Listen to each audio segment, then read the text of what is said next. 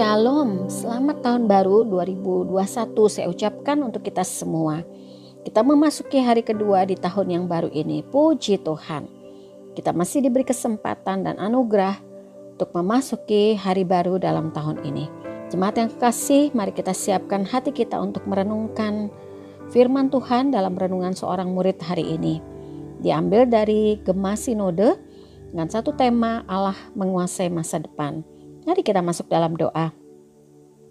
Bapa kami yang di surga, terima kasih untuk tahun baru sebagai satu anugerah yang Engkau berikan kepada kami.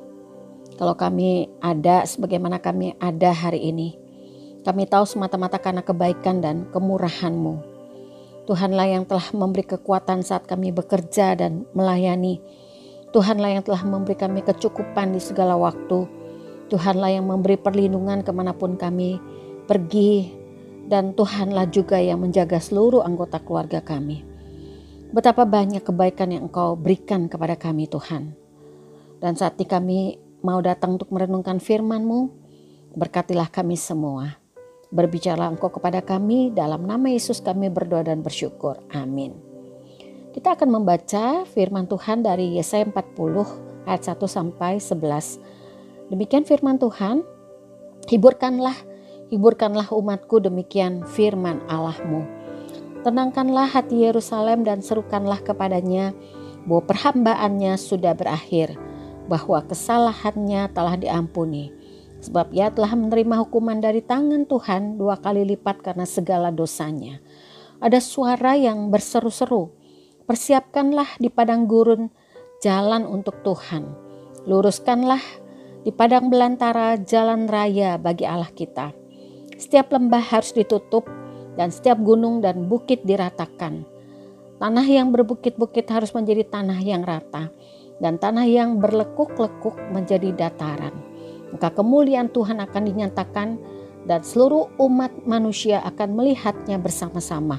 Sungguh Tuhan sendiri telah mengatakannya. Ada suara yang berkata berserulah. Jawabku, apakah yang harus kuserukan? Seluruh umat manusia adalah seperti rumput dan semua semaraknya seperti bunga di padang. Rumput menjadi kering, bunga menjadi layu apabila Tuhan menghembusnya dengan nafasnya. Sesungguhnya lah bangsa itu seperti rumput. Rumput menjadi kering, bunga menjadi layu. Tetapi firman Allah kita tetap untuk selama-lamanya. Hai Sion, pembawa kabar baik, naiklah ke atas gunung yang tinggi Hai Yerusalem, pembawa kabar baik, nyaringkanlah suaramu kuat-kuat, nyaringkanlah suaramu, jangan takut. Katakanlah kepada kota-kota Yehuda, lihat itu Allahmu. Lihat itu Tuhan Allah. Ia datang dengan kekuatan dan dengan tangannya ia berkuasa. Lihat mereka yang menjadi upah jeripayahnya ada bersama-sama dengan dia. Dan mereka yang diperolehnya berjalan di hadapannya seperti seorang gembala, ia menggembalakan kawanan ternaknya dan menghimpunkannya dengan tangannya. Anak-anak domba di pangkunya, induk-induk domba dituntunnya dengan hati-hati. Demikianlah firman Tuhan. Jemaat yang kekasih, ayat 1 dibuka dengan kata hiburkanlah, hiburkanlah umatku, demikian firman Allahmu. Siapakah sesungguhnya yang membutuhkan penghiburan? Tentu mereka yang bersedih bisa karena kehilangan orang yang mereka kasihi, yang berduka, yang luka hati dan berbeban berat. Itulah yang dibutuhkan bangsa Israel pada waktu itu. Mereka sangat sedih, berduka karena penghukuman Tuhan, yaitu pembuangan ke Babel karena dosa-dosa mereka. Kata hiburkanlah ditulis dua kali untuk menekankan berita yang dibawa oleh Yesaya yaitu berita sukacita kepada umat Israel agar mereka tidak lagi bersedih karena penghukuman Tuhan akan segera berakhir dan mereka diampuni oleh Tuhan. Jemaat yang kekasih, ketika kita membaca pasal 40 ini ada banyak uh, nubuatan kabar baik, ada kata-kata penghiburan dan janji kelepasan dari Tuhan. Berbeda dari pasal-pasal sebelum pasal 40 ini. Dan ketika kita memperhatikan penghiburan itu disiapkan sebelum penghukuman dilaksanakan. Karena Allah menulis jauh sebelumnya, Allah menubuatkan jauh sebelumnya. Dan Allah yang kita sembah bukan hanya menguasai masa depan, tetapi juga merencanakan masa depan. Jemaat yang kekasih penghiburan ini tentu sangat melegakan bagi bangsa Israel. Tuhan menyatakan bahwa pertama perhambaan mereka sudah berakhir. Ayat 1 sampai 2. Allah sudah mengampuni dosa-dosa mereka bukan karena kebaikan dan kelayakan mereka sesungguhnya, tapi sebagai anugerah dari Tuhan. Dan sekarang mereka akan dipulihkan. Mereka akan menjadi bangsa yang merdeka. Penghiburan yang kedua, dikatakan Tuhan menyiapkan pemulangan umat dari tempat pembuangan.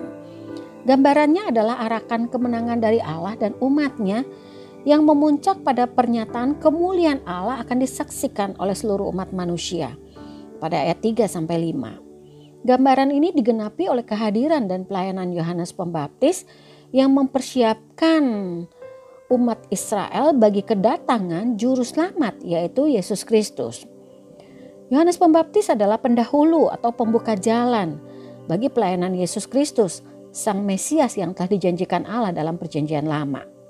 Dan penghiburan ketiga dikatakan bahwa akan ada kesadaran akan kefanaan manusia dan kekekalan firman Tuhan. Ayat 6 sampai 8. Manusia harus menyadari bahwa manusia itu sangat terbatas, fana dan tidak berdaya. Tetapi Tuhan memberikan firman yang kekal ke dalam hati mereka supaya firman itu menjadi firman yang menghidupkan mereka. Firman itu tetap ada untuk selama-lamanya. Dan penghiburan yang keempat kita lihat dikatakan ada seruan pengagungan Allah sebagai gembala umatnya. Ayat 9 sampai 11. Sion dipanggil untuk menjadi pembawa kabar baik. Pemberita yang menyaksikan kuasa dan kasih Allah yang memulihkan umatnya. Mereka dibebaskan dari penawanan Babel oleh kuasa Allah. Allah sebagai gembala yang baik, mengasihi dan memelihara umatnya. Jemaat yang kekasih, nubuatan-nubuatan Yesaya ini digenapi dengan kehadiran Yesus ke dalam dunia. Kedatangan Kristus yang kita peringati sepanjang masa raya Natal yang lalu bukan peristiwa yang mendadak terjadi, melainkan peristiwa yang sudah dirancang sebelumnya dan sudah disampaikan Allah melalui para nabi ratusan tahun sebelum peristiwa itu terjadi. Termasuk dalam kitab Yesaya yang kita baca. Yesus datang ke dalam dunia untuk membawa keselamatan dari dosa dan melepaskan belenggu-belenggu yang mengikat manusia. Kita meyakini bahwa Allah itu berkuasa untuk melaksanakan apa pun yang ia rencanakan. Kita juga yakin bahwa Allah mengasihi umatnya. Allah itu seperti seorang gembala dan kita semua seperti domba-domba yang dia gembalakan.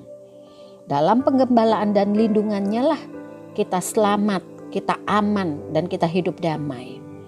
Berbahagialah kita yang telah memiliki Yesus dalam hidup kita dan menjadikannya sebagai gembala kita. Jemaat yang kekasih, dalam konteks saat ini, kita masih berada dalam masa pandemi COVID-19. Kita masih memiliki pergumulan di depan mata. Kita telah kehilangan teman, saudara, tetangga, dan ada juga anggota jemaat kita karena COVID ini kita sedih ditinggalkan begitu cepat dan tidak akan bertemu dengan mereka lagi. Tetapi sesungguhnya penghiburan Allah ini sangatlah tepat menguatkan iman kita dan membangkitkan semangat dan harapan kita. Penghiburan sejati kita bersumber pada Allah Tritunggal.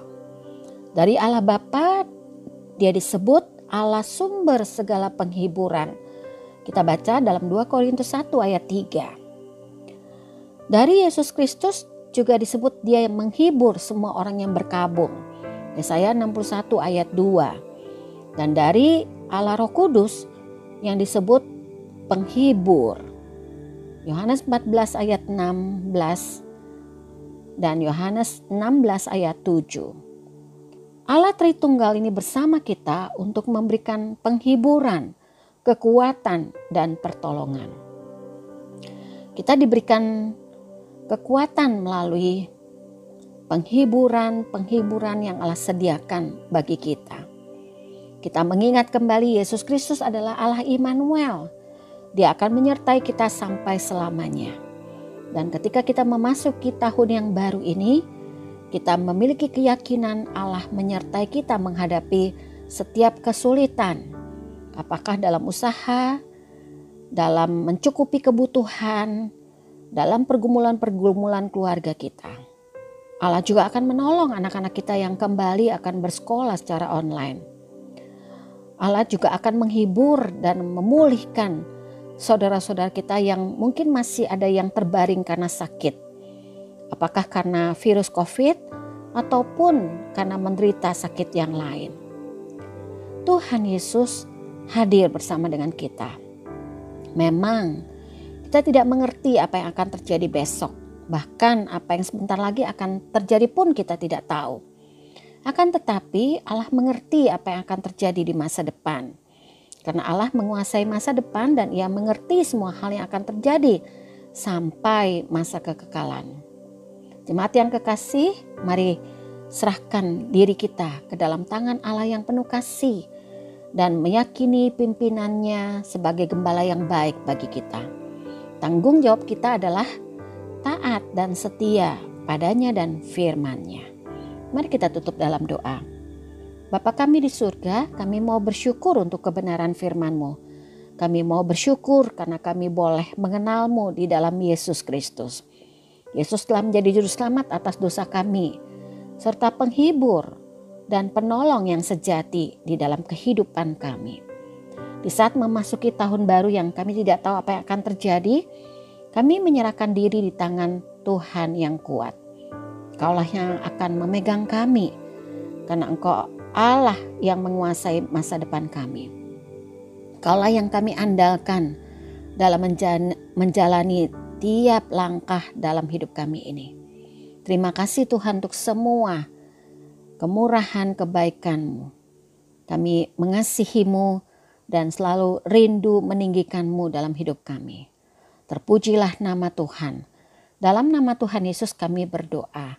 Amin. Tuhan Yesus memberkati kita semua.